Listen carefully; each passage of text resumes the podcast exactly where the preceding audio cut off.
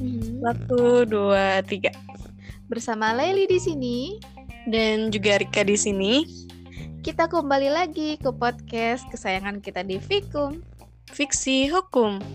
Semua orang tahu hukum. Hai semuanya, selamat datang kembali nih ke podcast Fiksi Hukum. Kali ini, segmen ini kita akan kembali lagi membawakan curol atau curhatan online yang Iya. akan membawakan dua pembahasan yang sedang hangat-hangatnya mungkin diperbincangkan di masyarakat nih.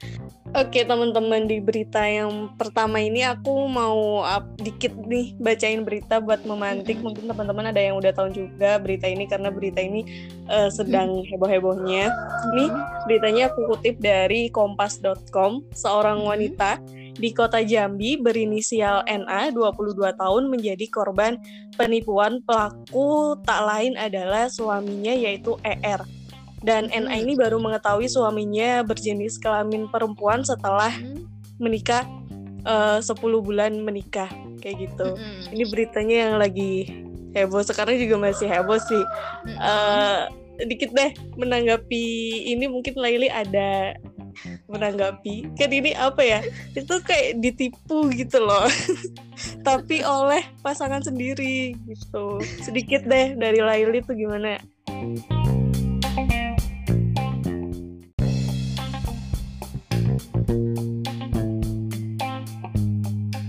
Oke, sedikit dulu ya pemancing mungkin ya. Iya iya dapat pemancing ya. Oke. Sebenarnya pertanyaan besarku cuma satu. Kok bisa? Maksudnya tuh gimana ya?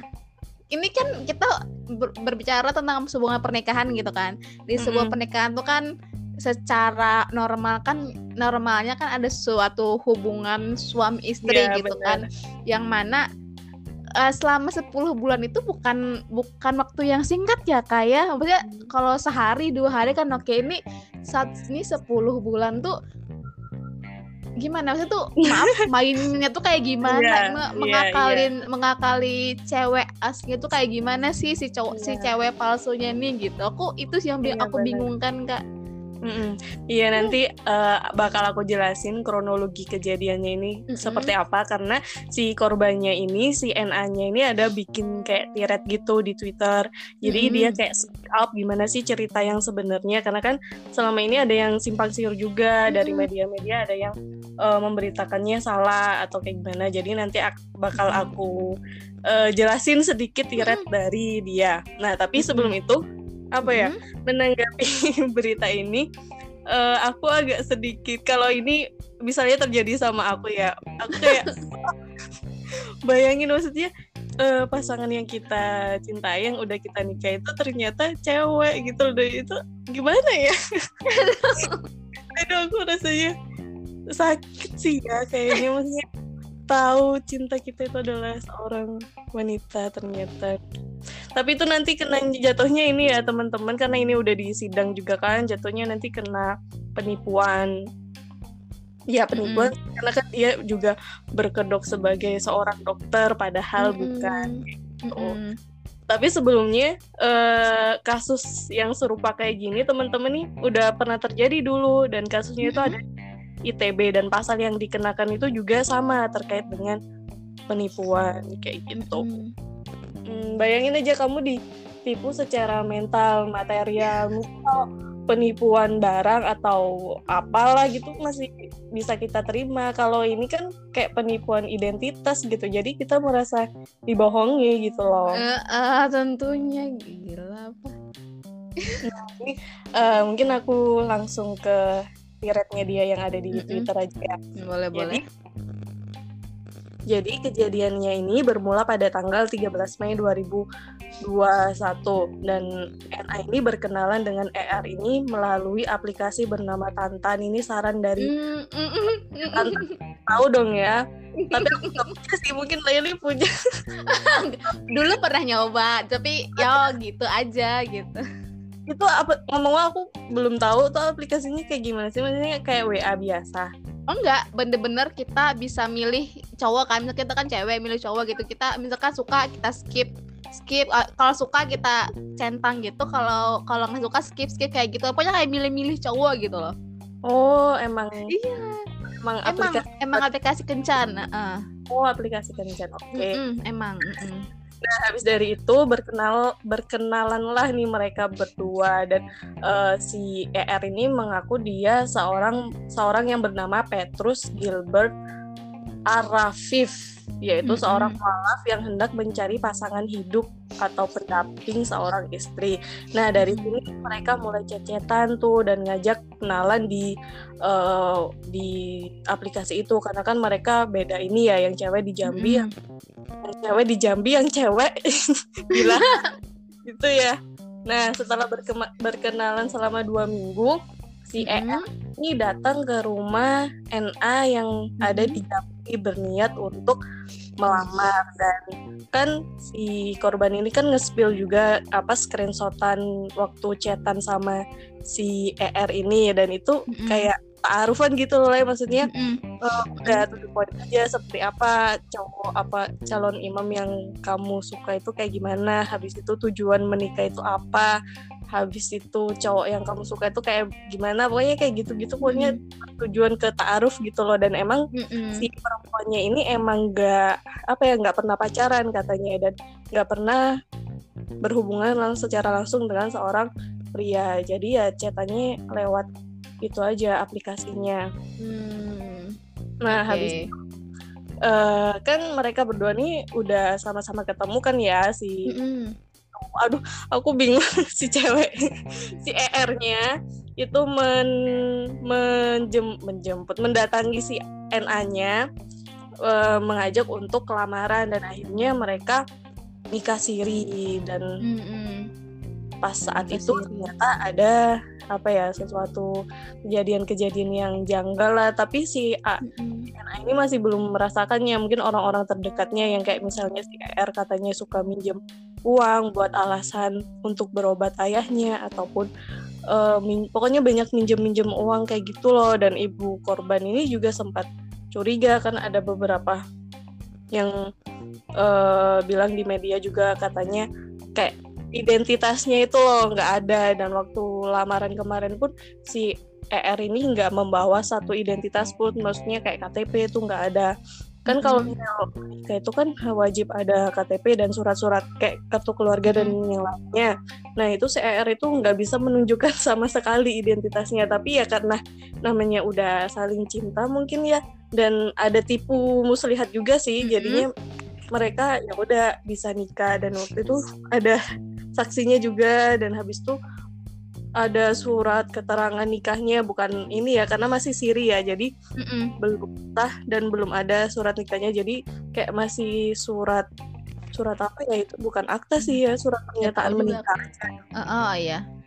nah kayak gitu habis itu eh, kan mulai nih ada beberapa konflik-konflik sampai akhirnya si korban ini di di dibohongi lah. Maksudnya mau dibawa ke lahat ke tempat yang si ER ini kan rumahnya di lahat kan. Maksudnya Mm-mm. supaya nggak keluarga mereka akan mendesak minta identitas dan lain sebagainya.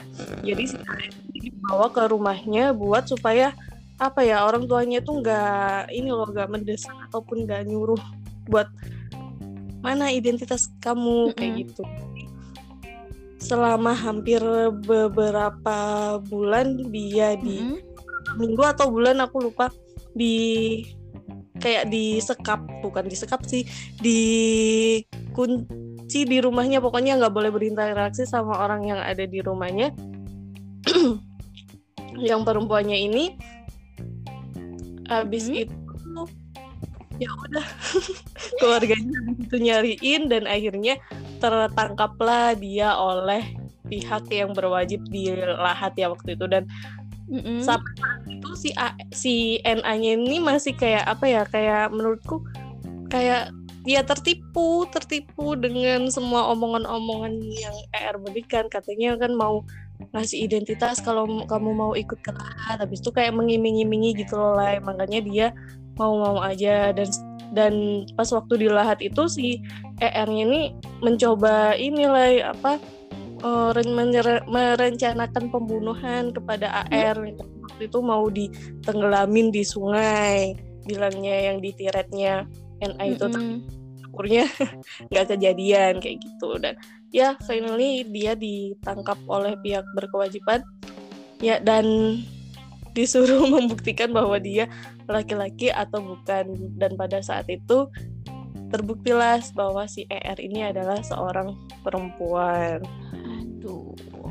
Dan barulah si NA ini ngeh bahwa dia seorang perempuan dan awalnya tuh dia sama sekali nggak tahu lah ya, dan sama sekali nggak menaruh curiga juga kalau aku baca di tulisan dia yang di Twitter itu ya sama sekali nggak ada nggak ada kepikiran bahwa dia itu adalah cowok tapi kalau aku lihat nih ya sekilas fotonya itu ada bau-bau ceweknya lah. Iya, iya sama sama. Sama ya? ya sama. Iya, aku juga lihat gitu.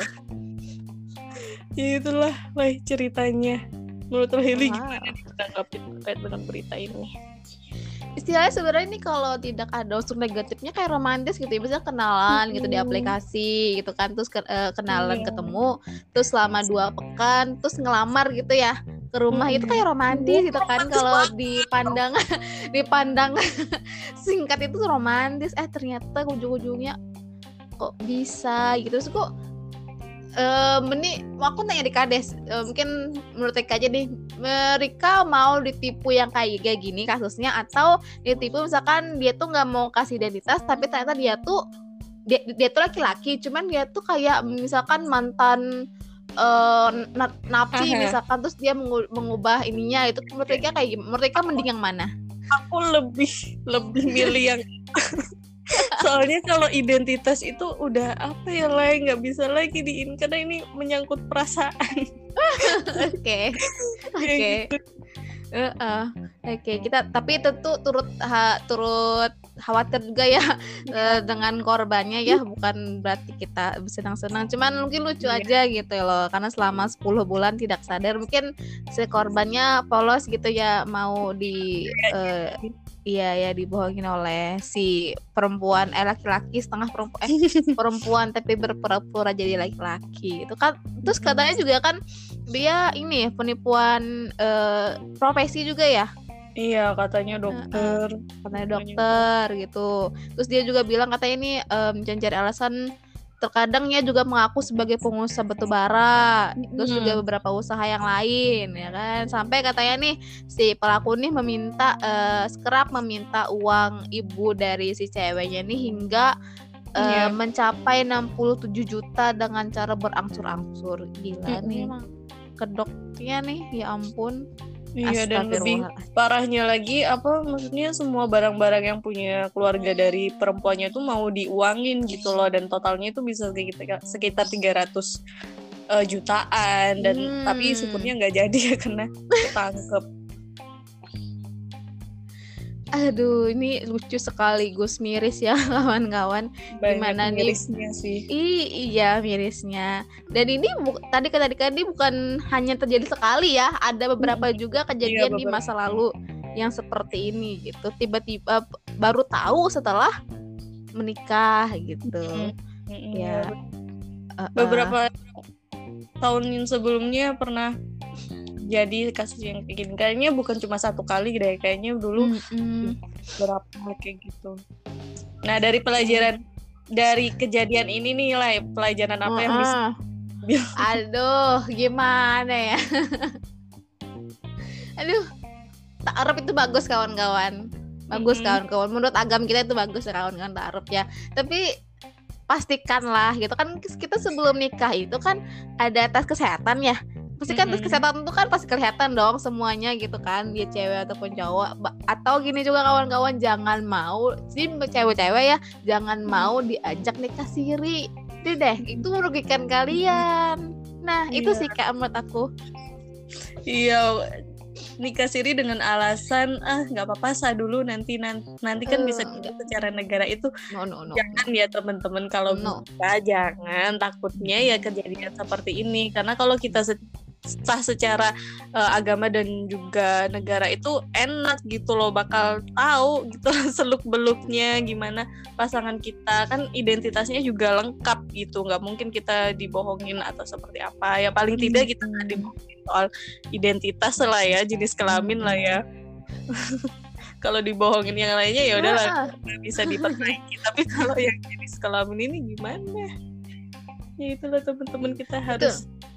Apa ya memilih calonnya juga kalau bisa ya bertemu secara langsung dan juga tahu mm. keluarganya itu seperti apa jangan mm -hmm. lewat betul tapi aplikasi betul. juga membantu sih maksudnya uh -uh. tapi selidiki benar-benar. Dan jangan mudah percaya sedikit pun sama orang yang belum kita apa ya apalagi kan itu kenalannya baru dua minggu ya habis itu langsung lamar. Itu menurutku waktu yang sangat singkat banget buat kita tuh.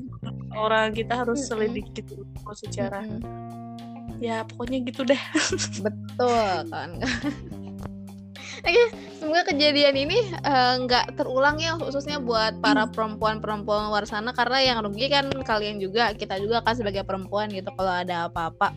Nah, hmm. itu deh. Eh, itu satu lagi teh.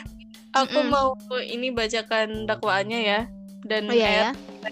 dengan pidana pasal 3 pasal 93 junto pasal 28 ayat 7 Undang-Undang nomor 12 tahun 2012 tentang pendidik pendidikan tinggi dan juga pasal 37 KUHP tentang penipuan dengan ancaman hukuman 4 tahun penjara karena kan dia ada memasuk, memasukkan ini ya apa pendidikan dia mm -mm. dua pasal Oke. Okay. Okay.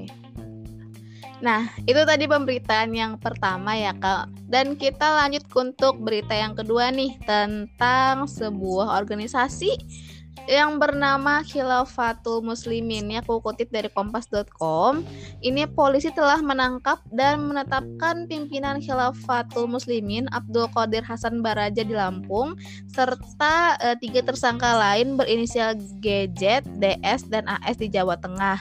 Kepala Divisi atau Kadif Humas Polri Irjen Dedi Prasetyo mengungkapkan e, 29 Januari 2020 Khilafatul Muslimin melakukan konvoy 20 motor di jalan desa Keboled Keboledan Wanasari Brebes yang mana 40 orang dalam konvoy tersebut menyebarkan pamflet atau selebaran yang isinya diduga memuat berita bohong atau belum pasti yang menyebabkan keonaran di masyarakat serta berpotensi makar. Selanjutnya, pihak polisi mendalami adanya keterlibatan dari Abdul Qadir Hasan Baraja terkait konvoi motor Khilafatul Muslimin Jakarta Timur pada akhir bulan Mei lalu. Pasalnya, sekelompok pengendara yang mengatasnamakan Khilafatul Muslimin tersebut sempat terekam kamera dan viral di media sosial. Dalam video tersebut, sekelompok pengendara itu melakukan konvoy, beberapa di antaranya tampak mengibarkan bendera dan membawa poster bertuliskan sambut kebangkitan khilafah Islamiyah. Kegiatan konvoy tersebut pun uh, terdapat dalam web dalam website serta ada dalam buletin bulanan dan juga tindakan nyata di lapangan yang mereka lakukan. Dalam website mereka tercantum bahwa mereka menyatakan Pancasila tidak sesuai dan hanya khilafah yang bisa memakmurkan bumi dan mensejahterakan umat. Terkait hal ini, Polda Metro Jaya pun melakukan penangkapan terhadap Abdul Qadir Hasan Baraja pada Selasa 7 Juni 2022 di kawasan Lampung. Ia kemudian menjadi tersangka tersangka dan ditahan di Polda Metro Jaya atas perbuatan mereka. Atas perbuatannya, mereka dijerat pasal 14 dan atau pasal 15 Undang-Undang Nomor 1 Tahun 1946 tentang peraturan hukum pidana dan atau pasal 82A junto pasal 59 Undang-Undang Nomor 16 Tahun 2017 tentang penetapan Perpu nomor 2 tahun 2017 tentang perubahan Undang-Undang nomor 17 tahun 2013 tentang organisasi masyarakat. Lanjut ya kak, ini aku kutip dari detik.com nih Polda Metro Jaya mengungkapkan fakta baru terkait organisasi Khilafatul Muslimin. Ormas yang dipimpin oleh Abdul Khadir Hasan Bajara, Bajara ini tidak hanya bertentangan dengan Pancasila, tetapi terindikasi mendirikan negara dalam negara. Khilafatul Muslimin ini membangun sistem pemerintahan sendiri selayaknya sebuah negara. Jadi kayak mau negara dalam negara gitu loh mereka tuh. Mm-hmm. Dan Kepa Kapolda Metro Jaya Irjen Fadil Imran mengatakan Khilafatul Muslimin melakukan kejahatan yang menentang pemerintahan yang sah dan mereka bergerak melakukan kejahatan secara tersembunyi tanpa disadari oleh korbannya dan uh, Fadil juga mengatakan setelah dilakukan adanya penyelidikan dan penyidikan ditemukan adanya pelanggaran hukum yang dilakukan oleh Khilafatul Muslimin. Uh, Fadil menegaskan pihaknya akan melakukan penindakan hukum terhadap terhadap ormas yang menentang negara dan hasil penyelidikan polisi ditemukan adanya 14.000 warga Khilafatul Muslimin yang ditunjukkan dengan adanya nomor induk warga. Nah, maaf, nomor induk kependudukan layaknya sebuah uh, kartu tanda penduduk seperti itu kan. Menurut Rika gimana nih? Iya, ternyata banyak apa paham kayak gini nih banyak ya ada di Indonesia penganutnya kan aku baca juga hampir uh, memiliki 14.000 anggota. Nah, itu itulah mengapa pentingnya kita apa ya memahami sesuatu paham dan juga sejarah kita terutama terkait dengan bangsa Indonesia dan Islam. Dan kita juga jangan mudah terbawa arus gitu loh teman-teman. Misalnya kita lihat di lingkungan kita tuh ada suatu organisasi keagamaan yang islami ataupun agama-agama yang lainnya ya yang ada di yang di dalamnya itu ada tanda-tanda kayak mengagung-agungkan sesuatu paham yang dianutnya itu. Dan itu mm-hmm. adalah salah satu apa ya yang patut kita curigai gitu loh teman-teman. Apalagi kalau sudah masuk ke ranah kekuasaan kayak siapa yang sebenarnya mm, memegang kekuasaan penuh di negeri ini. Nah itu kita boleh tuh curiga. Dan kita nggak boleh langsung kayak berapi-api gitu loh teman-teman. Kita harus hmm. Tahu dulu harus kita tilik dulu sejarahnya seperti apa. Terkadang orang yang apa ya sorry ya rendah literasinya itu kayak mudah terpengaruh gitu loh dengan paham-paham yang seperti itu dan menganggap semua yang mereka omongkan itu memang benar semua gitu padahal bukan mm -hmm. seperti itu. Makanya kita juga harus waspada gitu terhadap paham-paham yang berkembang di lingkungan kita. Karena bukan tidak mungkin ya paham seperti itu bisa bertentangan dengan NKRI dan jatuhnya nanti malah bisa makar seperti kata Laili tadi kayak gitu sih kalau menurut aku. Oke okay, betul banget kak. E, terkait dengan ormas-ormas kayak gini ya, e, jujur ini sebenarnya udah lama ya dari tahun 1997 nih makanya mereka banyak banget memiliki anggota sampai 14 ribu gitu loh hmm. tahun 1997 gitu loh dan uh, mungkin yang jadi pertanyaan aku uh, kenapa mungkin baru sekarang ya? Atau emang sudah sudah ditindak ditindak beberapa kali gitu? Dan ini mungkin salah satu bagian dari uh, penindasan lagi. Bagian dari uh, apa sih namanya? Bagian dari penindakan. mengurangi mengurangi paham-paham yang oh, seperti ini di Indonesia seperti itu kan maksudnya mm -mm.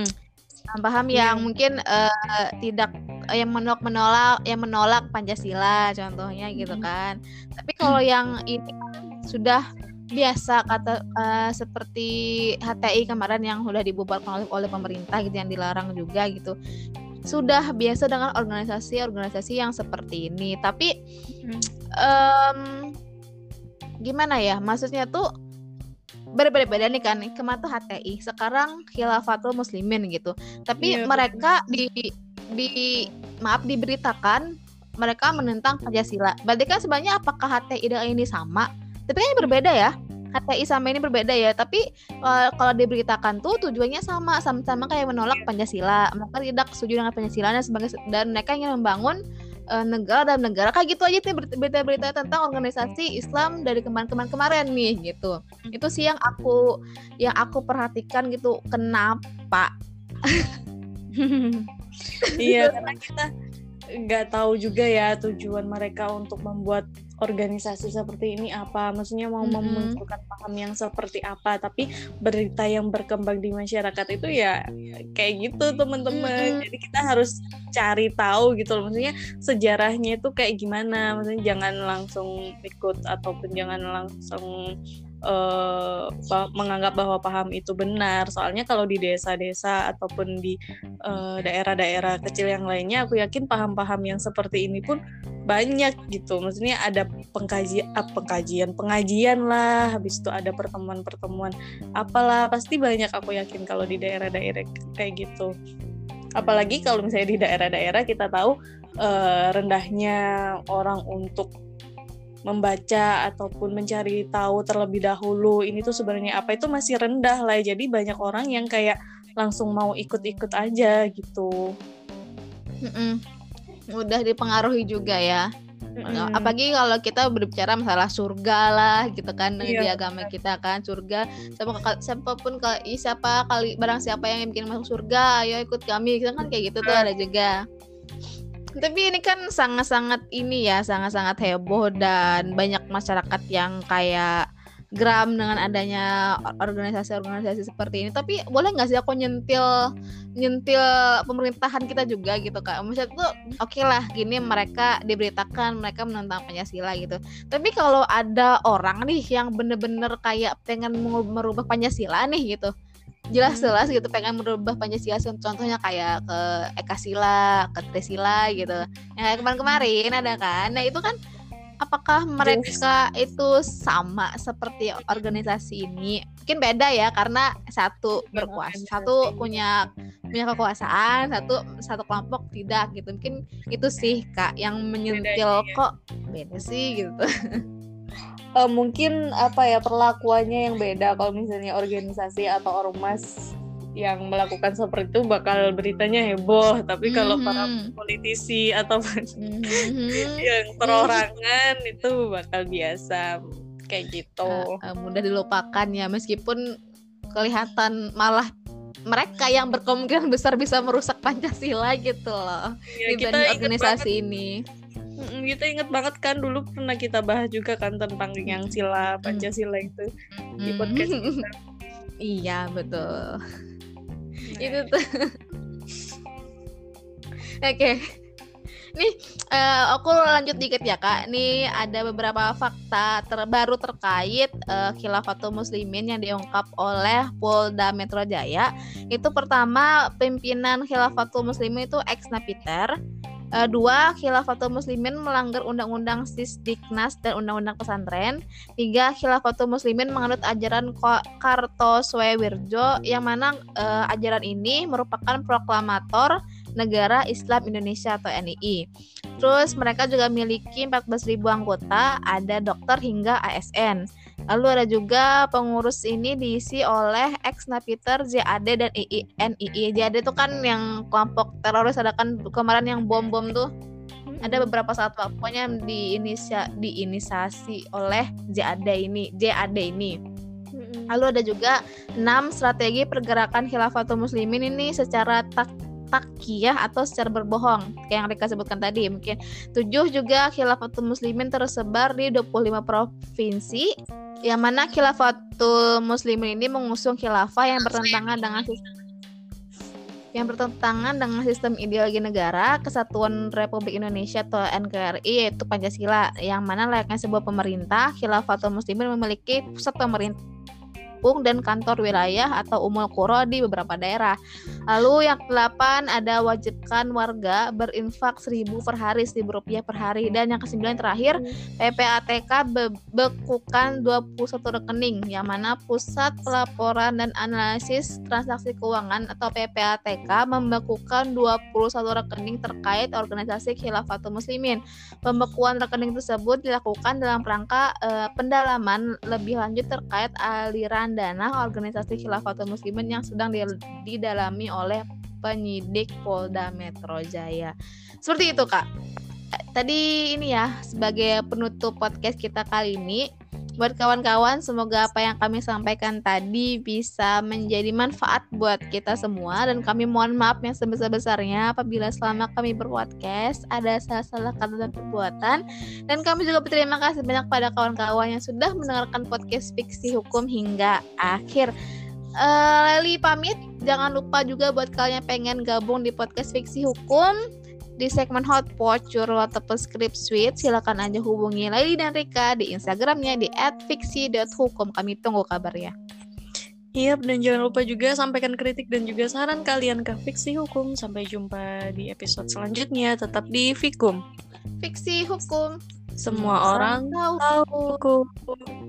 Bye. Di balik podcast. Mika mendak taruh kalah bujur-bujur sidangnya pastinya binian lagi kan atau mantan. Artinya jangan-jangannya psikopat. Kenapa bisa terjadi? ada tahu jual